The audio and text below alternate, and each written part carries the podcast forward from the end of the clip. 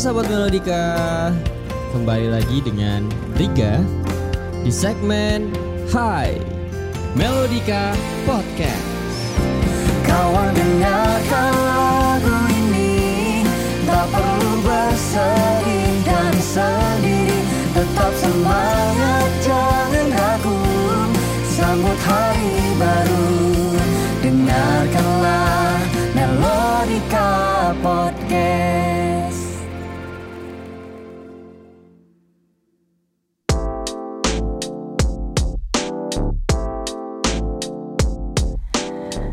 Halo sahabat Melodika. Waduh Akhirnya kita ketemu lagi ya. Kali ini Kita ketemu di segmen Hi Health Around You. Asik. Minggu lalu udah segmen melakukan ceritamu ya Bareng Tiara. Nah minggu ini giliran bareng aku Rika di segmen Hai Hai ini singkatan dari Health Around You. Nah, kayak ini ya, kayak kayak kok kayak familiar gitu kayak di bioskop. Health Around You. Asik. Siapa yang kangen dibisikin kayak gitu? Wah, gila udah lama banget gak nonton ya. Oke, kita quick introduction dulu kayaknya karena ini episode pertama dari segmen Hai. Jadi kayak perlu-perlu ada perkenalan gitu lah. Gitu. Jadi di segmen Hai ini akan ngebahas tentang eh, hal-hal seputar kesehatan gitu lah guys. Jadi kenapa kesehatan? Karena kebetulan nih background aku kan kesehatan ya, kesehatan. Tepatnya kesehatan masyarakat. Nah, yang jadi pertanyaan apa itu kesehatan masyarakat? Nah, bedanya apa dengan kesehatan pada umumnya? Oke, itu nanti akan kita bahas. Oke, let's get started. Kesehatan masyarakat. Nah, apa sih kesehatan masyarakat? Eh, gini kalau kita mau ngomongin menurut teori ya, ada banyak para ahli yang memberikan definisi-definisi tentang kesehatan masyarakat itu apa. Ya, eh, ada beberapa nama kayak menurut Winslow ya tahun 1920 ini. Nah, ada Prayitno juga tahun 1994. Nah, itu masih banyak lagi yang lain. Nah, eh, dari semua itu dapat kita simpulkan kalau secara garis besar Kesmas itu ilmu yang gak hanya membicarakan sehat atau sakit kayak gitu. Tapi juga ya semua hal-hal kompleks tentang status kesehatan individu dalam populasi atau dalam lingkup daerah kayak gitu. Jadi awamnya gini nih. Kita coba dengan perbandingan ya. Kalau dokter, eh, perawat, terus bidan, nah itu mereka masuk ke dalam tenaga kesehatan medis. Yang di mana bidang mereka itu adalah eh, kuratif atau penyembuhan. Sedangkan kesmas ini masuknya bukan medis. Kita nggak bilang kesmas eh, masuk ke dalam tenaga medis ya, karena mereka ini mengurusi masalah kesehatan yang ada pada waktu sebelum dan sesudah adanya sakit pada suatu individu dalam populasi tadi misalkan kayak gitu. Nah itulah mengapa ilmu kesmas ini nih tujuannya itu untuk mencegah penyakit sebelum terjadinya penyakit dan untuk memperpanjang harapan hidup seseorang kayak gitu. Nah, dengan cara eh, usaha-usaha perorganisasian masyarakat. Oke, itu tadi gambaran kecilnya ya tentang apa itu Kesmas. Nah, sekarang seperti yang dibilang di awal tadi, Kesmas ini ilmunya itu umum. Kenapa umum? Gini, kayak misalkan dokter, dokter syaraf, dokter jantung, yang mana mereka itu harus tahu ya hal-hal detail tentang spesialis mereka.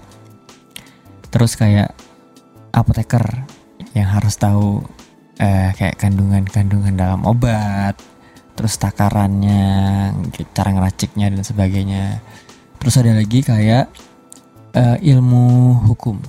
Nah, yang di mana mereka harus tahu macam-macam undang-undang, kebijakan dan sebagainya. Nah, itu. Nah, itu mereka ilmunya menjurus kan.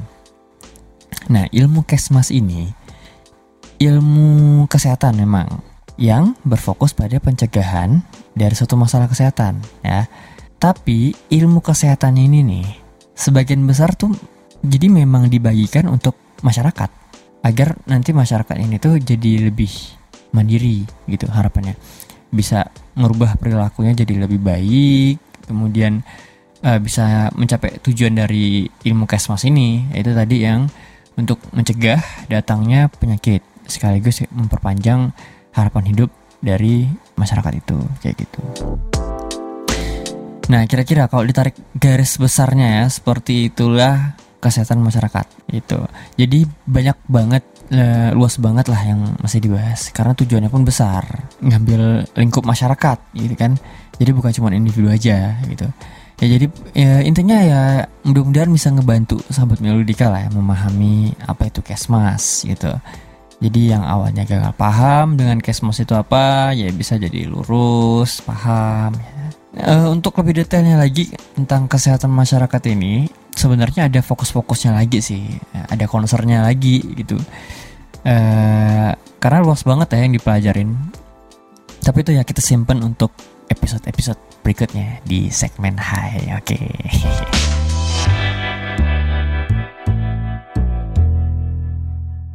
Oke, ngomongin soal kesehatan masyarakat. Buset, gede amat suara gua.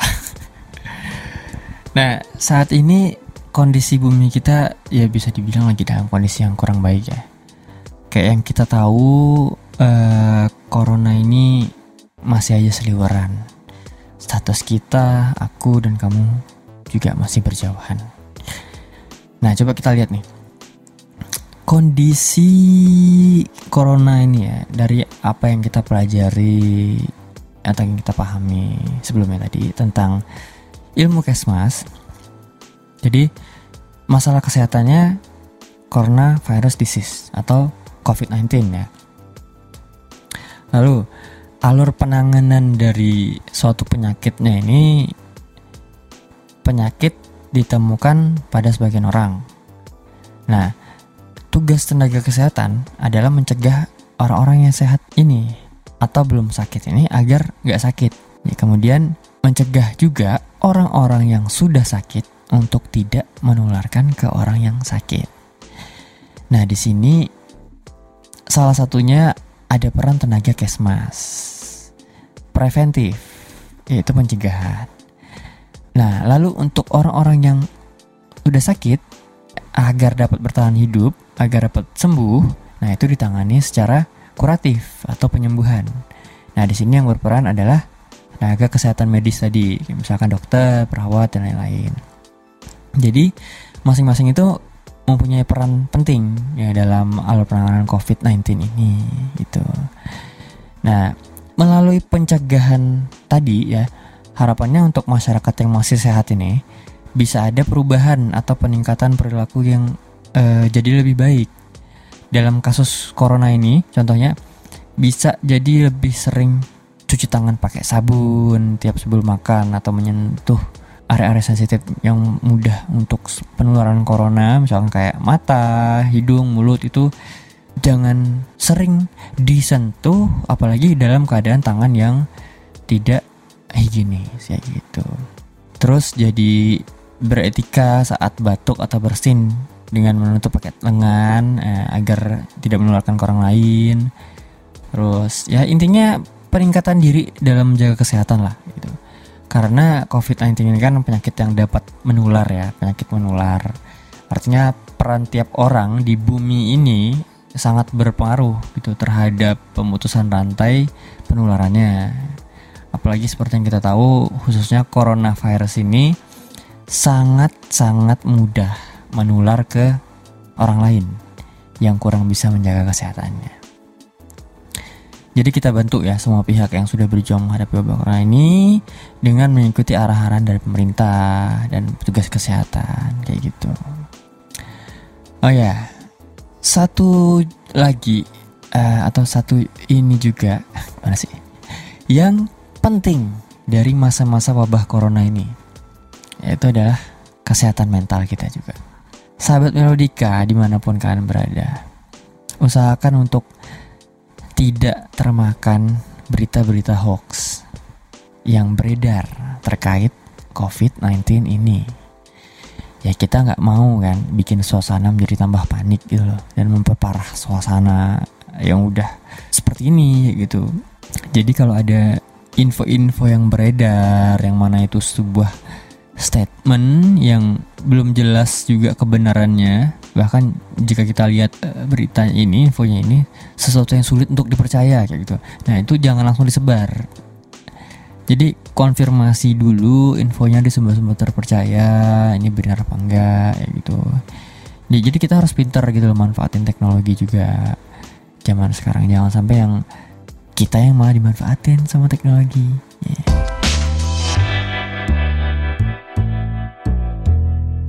Oke, okay. Ini ada artikel di halodoc.com mitos dan fakta terkait coronavirus.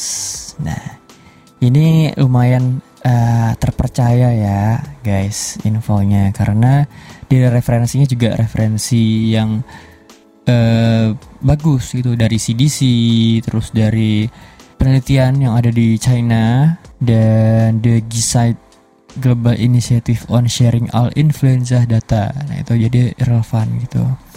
Oke. Mitos dan fakta terkait coronavirus ditinjau oleh Dr. Rizal Fadli. Ya, oke, di sini dibilang ada mitos dan fakta yang terkait dengan COVID-19. Apa aja?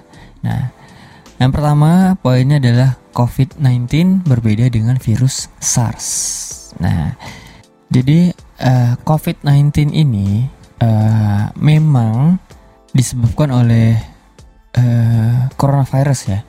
Yang di mana coronavirus ini tep tepatnya adalah SARS-CoV-2 singkatannya. Jadi Severe Acute Respiratory Syndrome gitu. Nah, SARS-CoV-2 ini masuk dalam keluarga coronavirus, virus corona.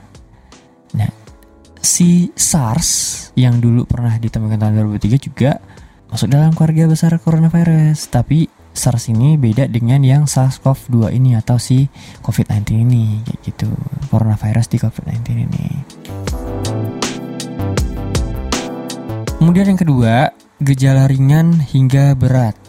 Nah, jadi gejala yang ada di COVID-19 ini ada uh, macam-macam gejalanya. Ya bisa dibagi jadi tiga gejala ringan, gejala sedang ataupun gejala berat kayak gitu. Nah, Gejala klinis utama yang muncul yaitu demam, yang di mana demamnya ini suhunya bisa lebih dari 38 derajat celcius. Nah, kayak gitu. Uh, kayaknya di masa-masa sekarang ini kita banyak sih ya uh, tiap ke mana terus nanti di pintunya ada uh, biasa pamnya mungkin itu yang akan ngecek suhu tubuh kita gitu nah jadi uh, jadi kita juga jadi lebih rutin sih ngecek suhu tubuh kita kalau misalkan udah demam nah itu kita bisa uh, mengantisipasi lah gitu kan untuk hal-hal pencegahan yang dapat memicu munculnya corona tadi gitu. Selain demam itu ada juga batuk dan kesulitan bernapas. Nah itu gejala-gejala klinis utamanya. Untuk gejala-gejala klinis tambahan lainnya itu misalkan ada kayak uh, kelelahan, terus gejala gastrointestinal kayak misalkan diare masalah-masalah perut kayak gitu kemudian gejala saluran napas yang lain. Dan eh, oh ya bahkan untuk gejala yang muncul ringan ya beberapa ada yang tidak disertai dengan demam. Nah itu dia. Bahaya juga kalau kalau misalkan ada yang tidak ada gejala tapi dia memiliki membawa coronavirus dan berinteraksi dengan orang. Nah, makanya itu salah satu pencegahannya adalah kita melakukan physical distancing atau social distancing gitu.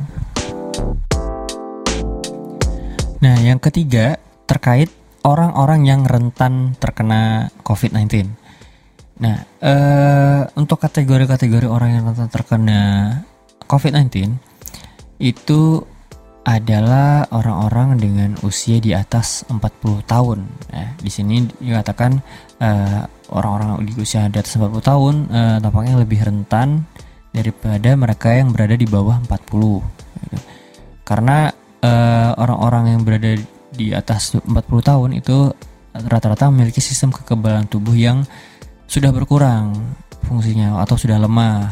Jadi uh, apalagi dengan kondisi misalkan ada diabetes, penyakit jantung, paru-paru, nah itu juga jadi lebih rentan gitu.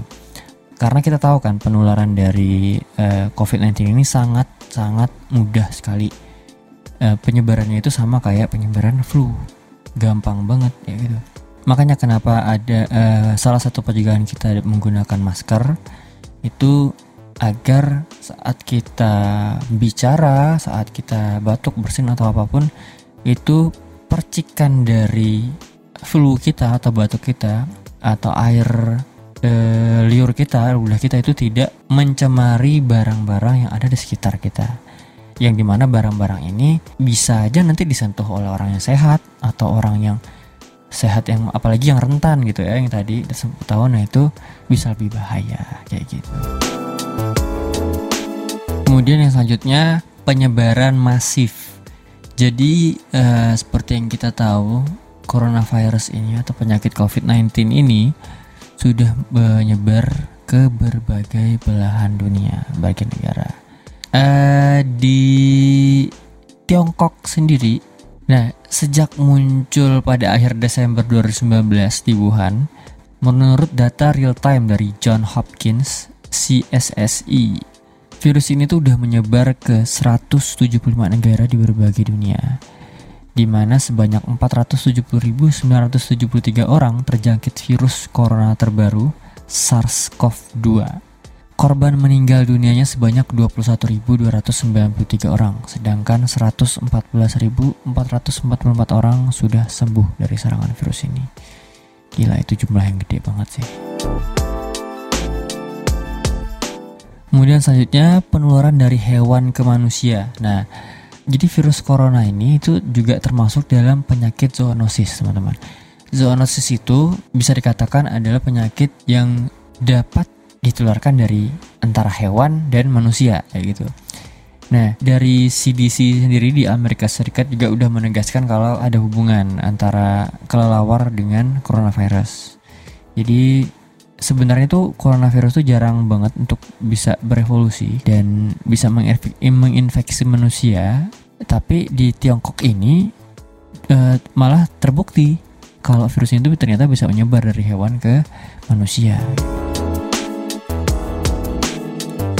Kemudian selanjutnya hewan peliharaan bisa tertular COVID-19. Nah, ini nih juga yang banyak beredar nih.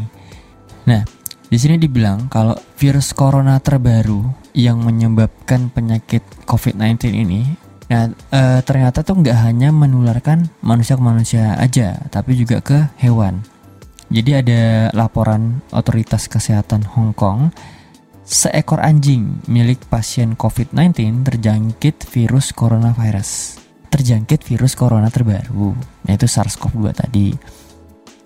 Nah, hasil pemeriksaannya anjing ras Pomeranian ini e, menunjukkan infeksi weak positif atau lemah positif. Nah, maksudnya anjing tersebut terjangkit virus corona. Tapi, nah ada tapinya ya, hanya sebatas pada permukaan tubuhnya aja, kayak gitu. Tapi tetap nggak boleh dianggap remeh, karena kan penularan COVID ini kan memang ya ke benda-benda gitu kan tapi bendanya ini nanti yang akan disentuh manusia apalagi manusia yang lemah dan akan tertular gitu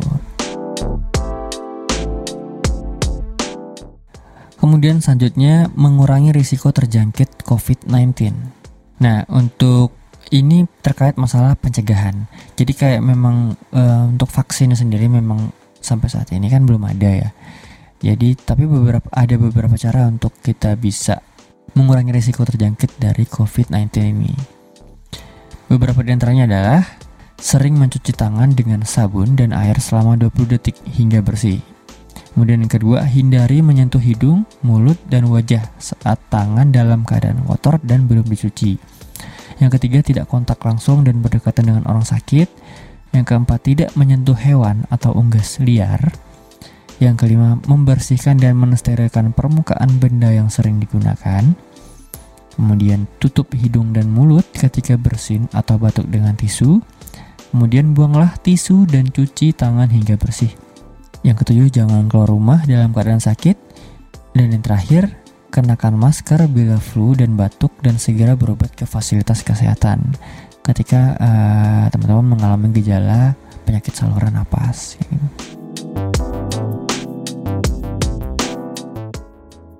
Nah, yang selanjutnya lama SARS-CoV-2 virus corona ini yang tadi dapat bertahan di benda mati. Berapa lama sih? Sampai berapa lama sih ke virus ini tahan berada di benda mati? Sampai saat ini belum diketahui tepatnya uh, bertahan sampai berapa lama gitu ya di benda mati. Meskipun ada katanya ada informasi awal yang menunjukkan dapat bertahan hingga beberapa jam. Nah, namun infeksi sederhana dapat membunuh virus tersebut sehingga tidak mungkin menginfeksi orang lagi. Infeksi sederhana itu seperti apa? Eh, disinfeksi sederhana itu seperti apa? Itu, eh, misalkan teman-teman menggunakan eh, mencuci tangan pakai sabun atau menggunakan hand sanitizer dengan alkohol 70%. Nah, selanjutnya belum ditemukan vaksin untuk COVID-19. Oke, jadi memang belum ditemukan vaksin untuk COVID-19 ya. Tapi gejala yang ditimbulkan dapat diobati. Nah, jadi pengobatannya harus didasarkan pada kondisi klinis si pasiennya dan perawatan suportif dapat sangat efektif. Maksudnya perawatan-perawatan yang uh, tepat yang dapat mensupport uh, penyembuhan dari pasien COVID-19 ini. Kemudian selanjutnya antibiotik tidak bekerja melawan COVID-19. Nah, jadi antibiotik itu memang tidak bekerja melawan virus, tapi bekerja melawan bakteri. Nah, jadi kan COVID-19 ini kan disebabkan oleh virus. Jadi antibiotik ini nggak boleh digunakan sebenarnya untuk uh, pencegahan atau pengobatan dari COVID-19 tapi kalau misalkan teman-teman nanti dirawat di rumah sakit, uh, misalkan karena COVID-19, uh, jangan sampai lah ya pokoknya. Nah, tapi uh, mungkin saudara atau siapa gitu atau kenalan. Nah, tapi nanti mungkin dapat antibiotik nih dari rumah sakit. Nah, itu mungkin karena ada infeksi sekunder bakteri ya gitu loh. Jadi makanya diberikan antibiotik. Selanjutnya, orang yang beresiko terinfeksi COVID-19. Nah, orang yang tinggal atau bepergian di daerah COVID-19 bersiku, bersirkulasi sangat mungkin beresiko terinfeksi. Nah, eh, seperti yang kita tahu COVID-19 ini kan dari Tiongkok. Nah, sebagian besar kasus COVID-19 yang dilaporkan rata-rata itu mereka baru saja bepergian dari Tiongkok atau telah lama bekerja atau tinggal di sana atau mungkin uh, berwisata gitu sehingga akhirnya terinfeksi. Nah, termasuk petugas-petugas kesehatan yang banyak sekali berinteraksi dengan pasien-pasien yang terinfeksi COVID-19. Nah, itu juga termasuk dalam orang-orang yang berisiko terinfeksi COVID-19.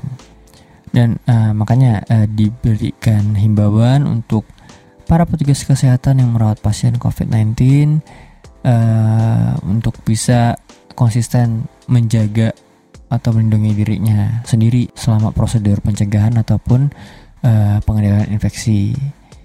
Mudah-mudahan uh, teman-teman garda terdepan selalu diberikan kesehatan dalam tugas mulianya ya kayak gitu. Selanjutnya, orang yang rentan tertular COVID yaitu tadi adalah orang-orang yang lebih tua dan memiliki kondisi medis, misalkan kayak udah ada asma, diabetes, penyakit jantung dan lain-lain. Nah, itu lebih rentan menderita atau tertular COVID-19. Next, perbedaan influenza biasa dengan COVID-19. Nah, ini nih yang makanya suka membuat uh, sulit untuk identifikasi ya kalau nggak cek lab dan lain-lain gejalanya antara infeksi karena coronavirus dari gejala influenza itu hampir sama tuh ada demam, batuk, pilek kayak gitu. Cuman yang membedakan adalah virusnya, jenis virusnya. Makanya sulit banget untuk tahu kok misalkan belum ada pemeriksaan laboratorium dan lain sebagainya gitu. Jadi diharapkan orang-orang yang ada demam, batuk dan lain sebagainya itu disarankan dari WHO untuk melakukan pengobatan sejak dini kayak gitu. Dan e, mengisolasi diri apalagi misalkan dari daerah-daerah yang terindikasi COVID-19 itu mengisolasi selama 14 hari untuk agar pencegahan. Jadi saat sebelumnya gejala muncul tidak ada kontak dengan orang lain dan bisa memutus rantai penularan. Nah, untuk waktu inkubasi COVID-19 dalam tubuh manusia. Jadi, waktu yang diperlukan dari sejak tertular atau terinfeksi ini sampai muncul gejala itu disebut masa inkubasi. Nah, itu diterapkan di setiap penyakit ya. Penyakit yang eh, terutama penyakit-penyakit menular. Karena mereka disebabkan oleh mikroorganisme tadi ya gitu. Misalkan virus atau bakteri dan lain-lain yang mempunyai masa inkubasi.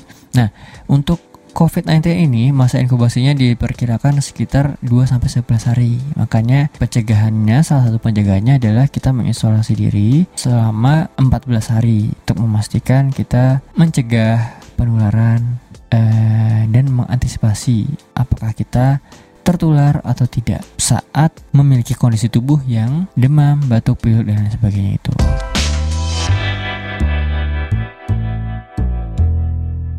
Nah itu tadi ya teman-teman eh, dari fakta dan mitos terkait COVID-19. Jadi eh, dari bisa paham dengan kondisi kita saat ini dan tahu cara mencegah penularan dari COVID-19 ini. Dan terutama tidak panik, tidak gampang tersulut dengan mitos-mitos tadi yang dapat memperkeruh suasana saat ini kayak gitu. Oke, jadi em, info-info seputar COVID-19 tadi bisa teman-teman temukan atau cari informasinya melalui eh, halaman-halaman yang akurat, Ya, seperti misalkan organisasi atau badan resmi kayak Kemenkes, Direktorat Promkes, WHO, dan lain-lain kayak gitu. Jadi untuk semuanya sahabat-sahabat Melodika eh, mudah-mudahan stay safe ya. Eh, kita tetap eh, social distancing lalu menjaga kesehatan diri kayak gitu.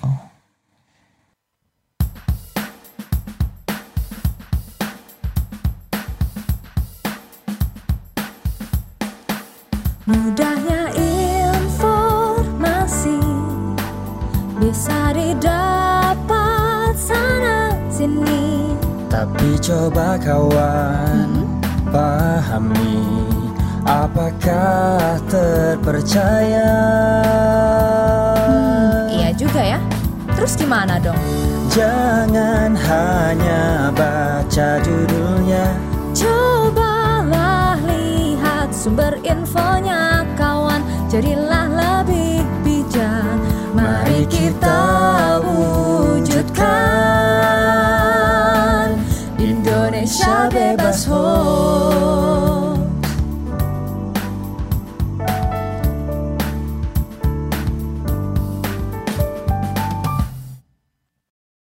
Ya teman-teman, kita sampai di penghujung episode dari segmen Hai.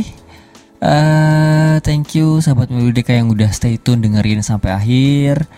Mudah-mudahan banyak hal-hal yang bermanfaat ya yang bisa kita eh, dapetin dari episode ini kayak gitu. Nah, bagi sahabat-sahabat Melodika yang mau ngasih kritik dan masukan atau mungkin juga saran untuk episode Hai selanjutnya, bisa komentar di kolom komentar di YouTube. Oke? Sampai jumpa teman-teman di episode selanjutnya di segmen Hai Melodika Podcast.